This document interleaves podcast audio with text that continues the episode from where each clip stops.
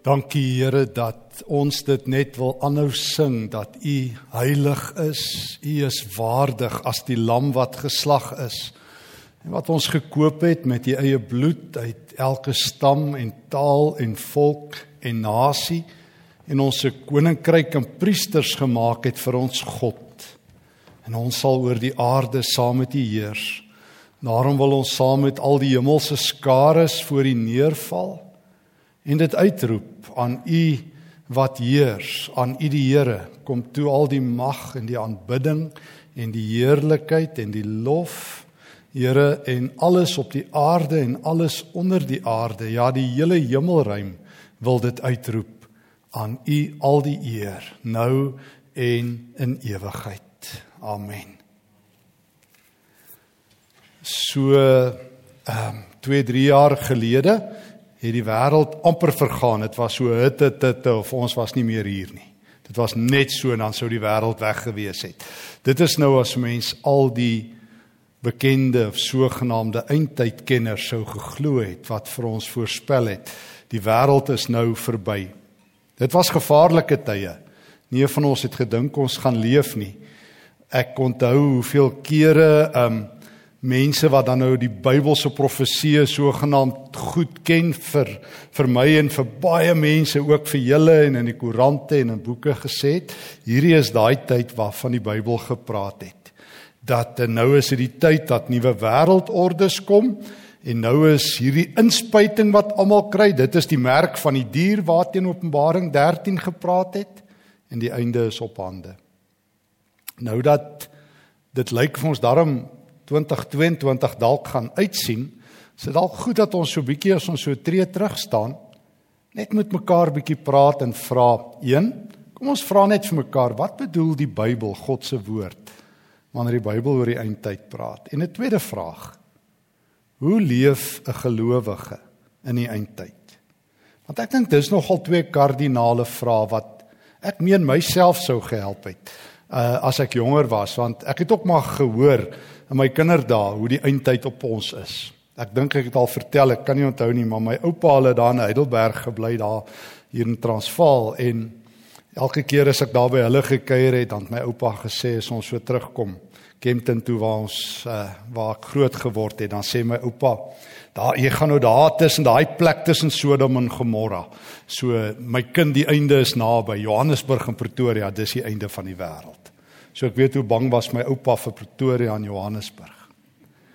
Maar toe ek nou so lees van almal wat so ehm um, vertel het en wat ook vir my vertel het, die einde is nou regtig hier en dis enige oomblik. Ek onthou hoe iemand op Twitter gesê het daar in Desember 2020, dis enkele weke dan is alles verby en 'n ander profetiese pastoor vertel het hier in Suid-Afrika voordat ons 2021 sien is ons almal weggeraap.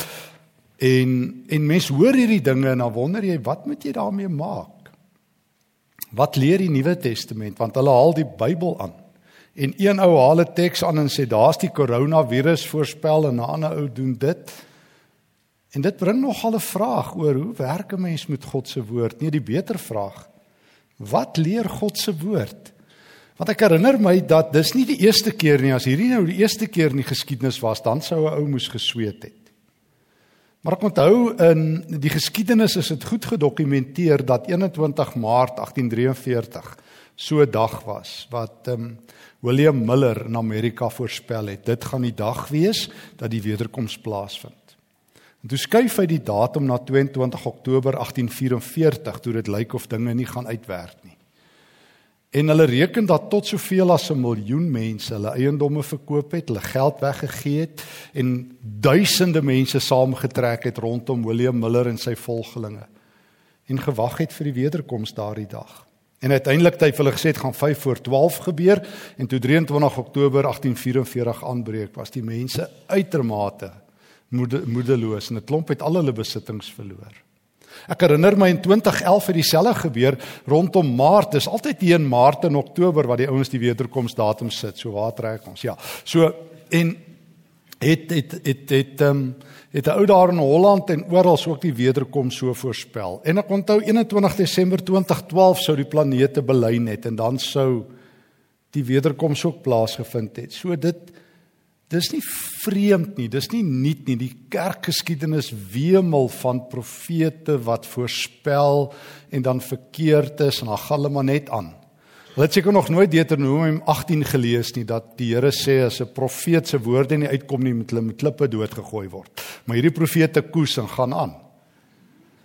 Want God sê dis 'n spottery van sy naam. Dis ernstig. God sê dit is vir hom verkeerd dat jy in sy naam profeteer en jy's vals. Jeremia skryf in Jeremia 23 dat die ware profete stil bly. Dat hulle net te skaam kry vir almal wat op strate rondloop en sê die Here het dit gesê en die Here het dat gesê en die Here het dat gesê. Profesie is nie 'n speelietjie nie, want dit is nie toekomsvoorspelling nie. En die eindtyd is nie 'n riller nie. En my oupa moes dalk net die Bybel beter gelees het en almal wat die eindtyd so voorspel. So kom ons vat 'n paar oomblikke en dan vra ons net vir onsself, wat leer die Nuwe Testament God se woord oor die eindtyd? En tweedens, die goeie vraag, hoe leef 'n Christen in die eindtyd? So Ek begin sommer met Jesus se openingswoorde. Ek kon miskien Matteus 4 gevat het, maar kom ek vat net Markus 1. As Jesus begin preek, is sy openingswoorde waarmee hy begin preek. Bekeer julle Markus 1 vers 15 want die koninkryk van God het naby gekom. Of dit is hier, jy kan die Grieks op een van twee maniere vertaal. Bekeer julle, die koninkryk van God is hier. Nou as Jesus sê die koninkryk van God, dan sê hy die tyd het gedraai. Dis 'n nuwe koninkryk, dis 'n nuwe tyd. So Jesus sê ek Christus bring 'n nuwe tyd en dis nou hier. Ek preek dit en daarom sê hy in Lukas 17 ook vir sy disippels, julle moenie sê die koninkryk is daar en is deur nie, dit is binne in julle. En hy sê vir die mense, julle wat die tye so goed kan lees, julle moet die tyd reg lees. Ek bring die nuwe tyd.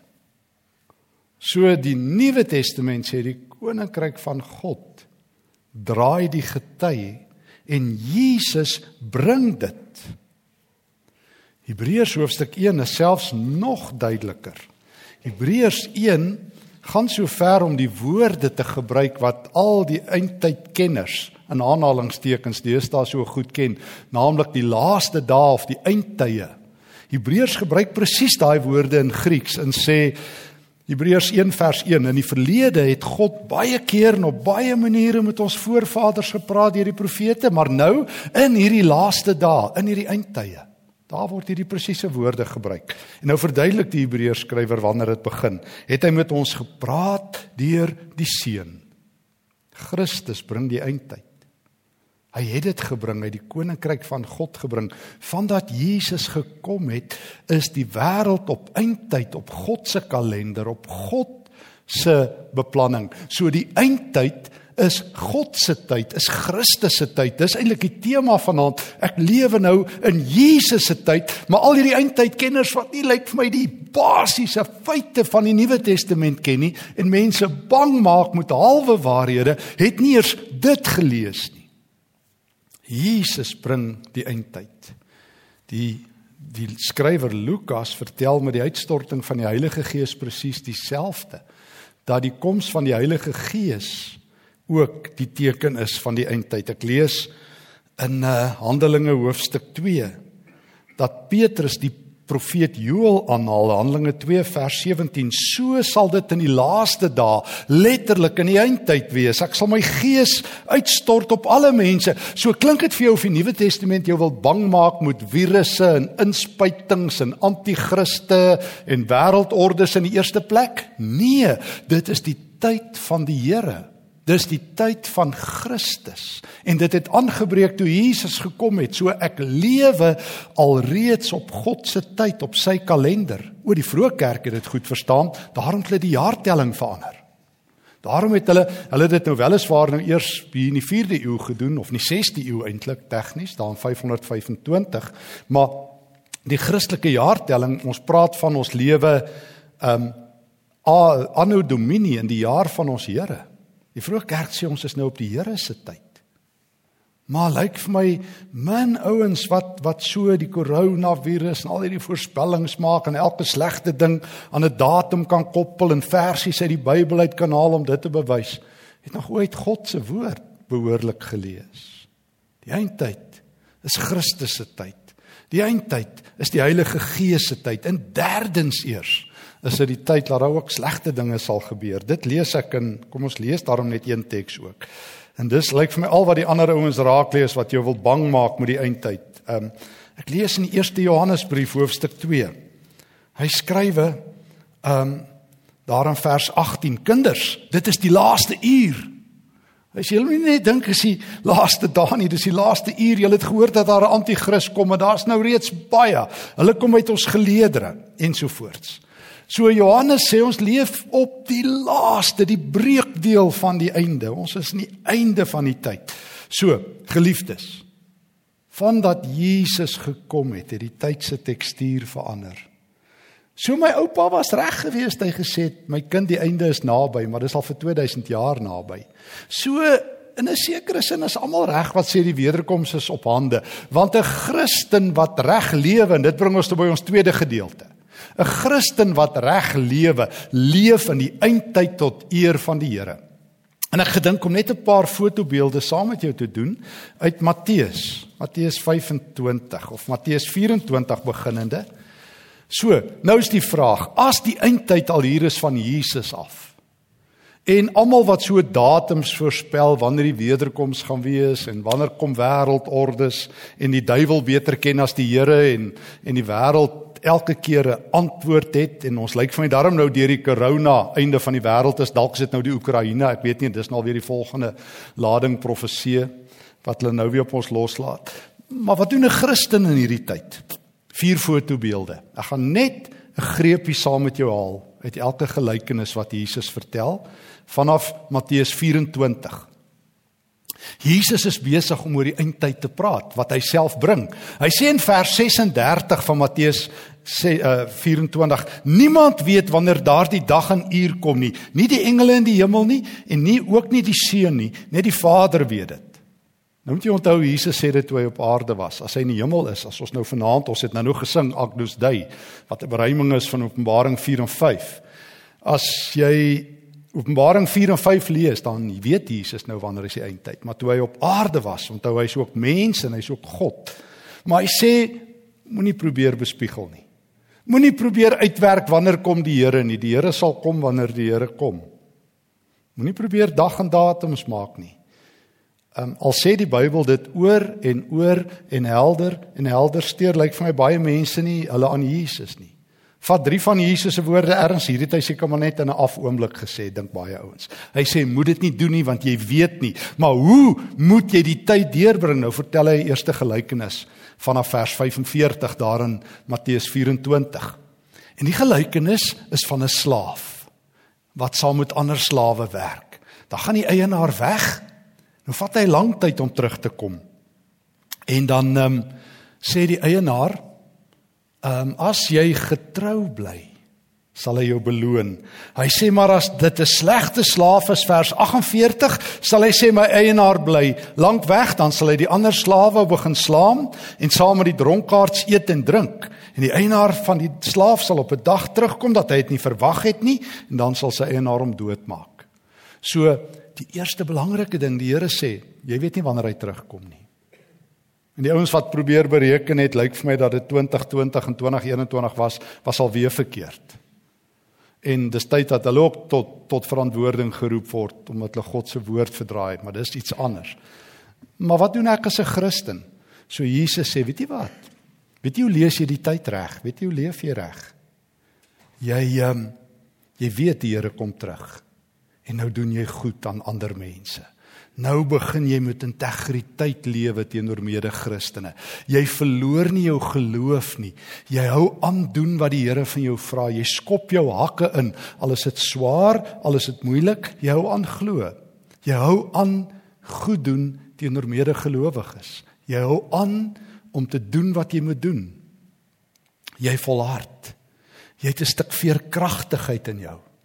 'n stuk vasbyt in jou.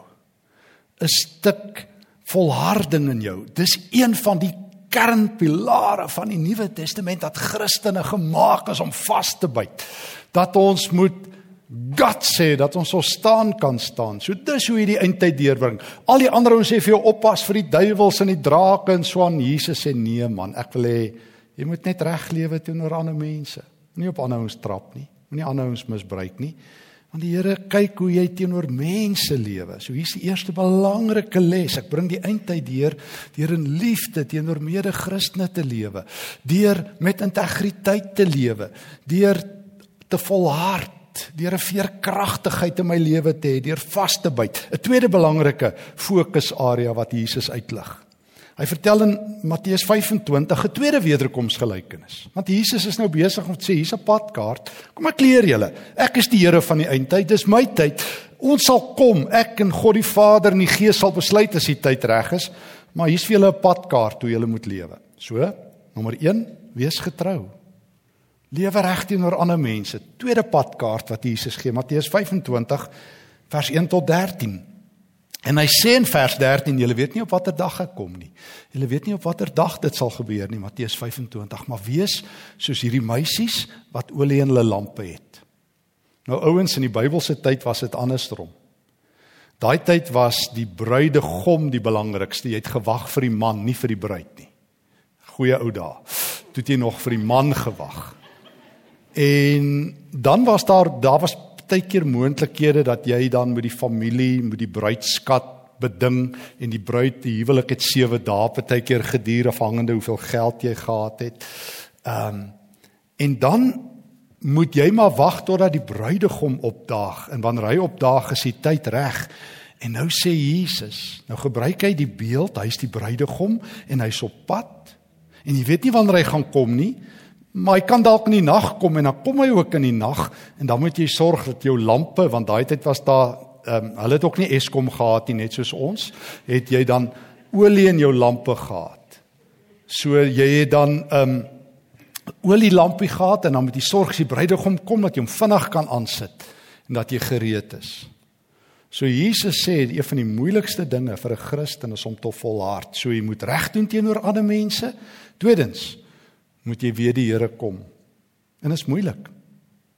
Ek wil in die afgelope jaar het die koerante heelwat verhale gehad van mense wat hulle geloof verloor, wat ontnigterd is met die kerk. Hoeveel ouens ken jy nie wat hoe swaarder dit gaan in die wêreld, hulle geloof verloor nie. En een van Jesus se ander gelykenisse, die gelykenis van die saad wat op verskillende plekke val in Markus 4 of Matteus 13, noem hy 5 dinge, 5 geloofsdiewe. Maar Jesus sê baie mense sal ophou glo, sal of sal opgee op God want die lewe is so hard en is maklik om te glo as jy God kan raak sien en as al jou gebede verhoor word. Maar partykeer klink dit vir jou of God 'n 1000 myl weg is en dan sê Jesus, moet jy sorg dat jy olie in jou lampe het. Moet jy aanhou glo. So hou aan glo sê Jesus. Want hy kom. Hy sê die een ding wat jy van my moet weet, ek sal nie laat wees vir my afspraak nie. Dit gaan jou dalk nie pas nie, maar dit sal my pas. Maar dit jy hoef nie vir my te sê wanneer ek moet kom nie, maar ek kom terug. En sorg dat jy olie in jou lamp het. Waar hoe kry jy olie in jou lamp? Vanaand kry jy olie in jou lamp. As jy op jou knieë is en jy bid, kry jy olie in jou lamp. As jy in die Here se teenwoordigheid lewe, gee hy vir jou olie in jou lamp. Maak hy jou lewe vol, soos wat jou motor brandstof nodig het en soos wat jou huis elektrisiteit nodig het, het jou lewe brandstof nodig. Vul jouself met die krag van die Here. Paulus leer ons in 2 Korinte 8 en Efesiërs 5 vers 18 tot 20 dat die Gees ons brandstof is. Hy moet ons volmaak. Derde gelykenis wat Jesus vertel, so moenie onreg doen aan ander mense nie. Leef met integriteit, moenie korrup raak nie. Tweede belangrike ding, sorg dat jy olie in jou lamp het in die eindtyd. Derdens, vers 13, vers 14, uh vertel Jesus tot by vers 30 'n derde gelykenis en ek sê ek maak net sulke fotobeeld saam met jou. Woeker met jou talente. Jesus vertel die gelykenis hoe jy die eindtyd moet deurbring van die muntstukke. 'n man wat op reis moet gaan, dan gee hy vir een man 5 goue muntstukke, vir 'n ander een gee hy 2 vers 15 en vir 'n derde een gee hy 1. Dan gaan hy op reis en dan sê hy woeker. Ek vertrou my skatte aan julle toe. So Jesus sê die eindtyd is 'n tyd waar die Here vir jou sê, ek gee vir jou sekere geskenke, elke Christen. As ons nou 1 Korintiërs 12 sou gelees het of Efesiërs 4 of Romeine 12 of 1 Petrus 4 sou ons gelees het by Paulus en by Petrus, elke Christen kry 'n geskenk, minstens een, 'n charisma. Maar as die Here iets vir jou gee, geskenk vir jou gee, moet jy wikkel daarmee. En Jesus spel nie uit wat dit is nie. Maar Paulus noem dit klompie geskenke. Hy noem party ons kan dien en ander ons kan bid en ander ons het bonatuurlike geloof. Maar kom ons sê vir mekaar, is daai talente wat jy het. Party ons kan vinnig hardloop en ander ons kan goed somme doen en ander ons is goeie tegniese ouens en ander ons kan mooi musiek maak en ander ons kan praat en ander ons kan onderrig. En die Here sê as ek vir jou talent gegee het en jy woeker nie daarmee nie, ek gaan vir jou rekenskap vra. As jy wil weet wat is God se wil en wat is God se plan vir jou lewe, gaan kyk wat se talente het jy en gaan vra hoe ver trek jy op die pad deur dit vir God te ontwikkel. As jy sing, moet jy sing. As jy moet hardloop, moet jy hardloop. Ek bedoel nou nie weg nie, maar hardloop. As jy moet skryf, moet jy skryf. En ek bedoel dit is so eenvoudig soos ek onthou, um, een van my gunsteling komediante, Jerry Seinfeld, wat vertel, um, hy het 'n gawe om um, om stand-up comedy te skryf en dan gaan hy 'n dag in sy lewe verby dat hy nie iets skryf nie. Hy het so bord, so groot 'n almanak in sy studeerkamer en hy maak 'n kruis elke dag dat hy hy sien daar's nooit een oop spasie nie. Hy skryf elke dag van sy lewe 'n stukkie stukkie humor. Want hy het 'n dringendheid. En die Here sê ek het dit vir jou gegee. Ek het vir jou 'n paar talente gegee. Wat doen jy daarmee? Dit is daai Engelse uitdrukking use it or lose it. As jy dit nie gebruik nie, sê die Here, gaan ek dit gaan jy dit verloor, maar as jy dit aanhou gebruik, gaan dit meer word. As jy dien, gaan jy nog meer dien. As jy um, goed is in dit wat jy doen tot sy eer, gaan jy dit nog meer doen. En die Here gaan op die laaste dag vra. So, het jy gewikkel met jou talente, het jy my wêreld beter gemaak? Want meeste ouens gebruik dit vir hulle self. Paulus sê in 1 Korintiërs 12 vers 7, hy sê jy moet jou gawes gebruik tot voordeel van ander gelowiges. So die vraag is, as ek 'n talent het, watse voordeel bied ek vir jou? As ek kan sing, wil ek die eer hê, as ek preek, wil ek die eer hê, as ek goed boekhou kan doen, as ek 'n goeie dokter is, wil ek die eer hê. Of is daar plek op my skouers vir jou? Galasiërs 6, kan ek jou laste vir jou help dra? As ek die woord uit lê, gaan dit jou geloof opbou of of wat anders het ek gefaal in my gawe anders moes ek stil bly. As ek vanaand sing op die verhoog en ek het jou nie opgebou my geloof nie en jy moes net hoor hoe mooi speel ek het ek gefaal. As ek um, wat ek ook al doen doen om die aandag op my te sit faal ek. So die Here Jesus sê gebruik jou talente vir my. So hier's die derde ding ook die eindtyd deurbring. Nommer 1 eerste gelykenis ek trap nie op mense nie. Ek leef met integriteit tussen mense. Tweedens Ek sorg dat my lewe geestelik op standaard is. Ek het elke keer olie in my in my in my brandstoftankie. Derdens, ek woeker met dit wat die Here vir my gegee het. En vierdens, die laaste gelykenis, vers 31 tot 47. Dis 'n wederkomsgelykenis en nou kom Jesus, daai bekende. En hy skei al die skape en die bokke. En dan sê hy vir die skape toe ook honger was. Kom ons lees sommer net so 'n stukkie. Hy dan sal hy vers 34 vir die aan sy regterkant sê. Kom, julle wat deur my Vader geseën is. Die koninkryk is van die skepping van die wêreld af vir julle voorberei. Neem dit in besit. Want ek was honger en julle het vir my iets gegee om te eet. Ek was dors en julle het vir my iets gegee om te drink. Ek was 'n vreemdeling en julle het my gehuisves. Ek was sonder klere en julle het vir my klere gegee. Siek en julle het my verpleeg. In die tronk en julle het my besoek. En dan sal die vir wat die wil van God gedoen het vir hom vra, Here, wanneer het ons u honger gesien en u gevoed of dors en vir iets gegee om te drink? En wanneer het ons u 'n vreemdeling gesien en u gehuisves en sonder klere en vir u klere gegee? Wanneer het ons u siek gesien of in die tronk en besoek? En dan sal die koning sê, dit verseker ek julle, vir sover julle dit een van die geringste van hierdie broers van my gedoen het, het julle dit aan my gedoen. So die Here sê met in die eindtyd moet jy vir Jesus raak sien. Oral, hy's oral in Suid-Afrika. Ek het groot geword en is reg en mag ek dit sommer nou sê, dis reg en ons het dit vanaand ook gesing. As jy God wil sien, moet jy in die natuur gaan. Dis hoekom meeste ouens lê vir my Kaap toe gaan. Ehm um, maar dis 'n ander gesprek. Die Ou Testament sê ook jy sien God in die natuur, maar die Nuwe Testament sê dit nie eintlik nie. Weet jy wat sê die Nuwe Testament as jy God wil sien? Ek sê altyd vir die Kaapenaars moet julle gou Gauteng toe kom, want hier's baie mense. Hier kan jy God raak sien. Want Jesus leer jou as jy God wil raak sien, moet jy na mense kyk. Hy's ernstig. Hy sê toe ek kaal was, het julle gesien is ek wat op julle strate is. Toe ek honger was, het julle gesien dis ek. Toe ek 'n vreemdeling was, het julle gesien dis ek. Ek herinner my aan 'n boek wat ek eendag gelees het, Breakfast Epiphanies, waar die ou vertel hoe hy eendag in 'n een aand in 'n hotel oorslaap en die volgende oggend by ontbyt, ehm um, sien hy 'n ou vriend, hy sê, ehm, um, "Sjoe, wat maak jy hier?" Hy sê, "Nee, ek moes vanaand hier oorslaap. My kar het net so 30 km van hier af gebreek en die intou ouens het my hier afgelaai." En die ander ou sê, "Ek het by jou verbygery." Hy sê, "As ek geweet het dis jy sou ek stil gehou het." As ek net geweet het dis God sou ek stil gehou het. Sal jy stil hou as jy weet dis God? Ek sê nie alle arm ouens wat jy sien, baie kere is ouens professioneel arm, veral die ouens by die robotte. Dis hulle werk om te sê hulle dit nie werk nie. Ek weet nie of dit sin maak nie, maar jy moet gaan soek na die mense wat ehm um, die Here op jou hart sit en Jesus sê as ek honger is, was jy daar vir my? Want op die laaste dag gaan ek dit vir jou vra.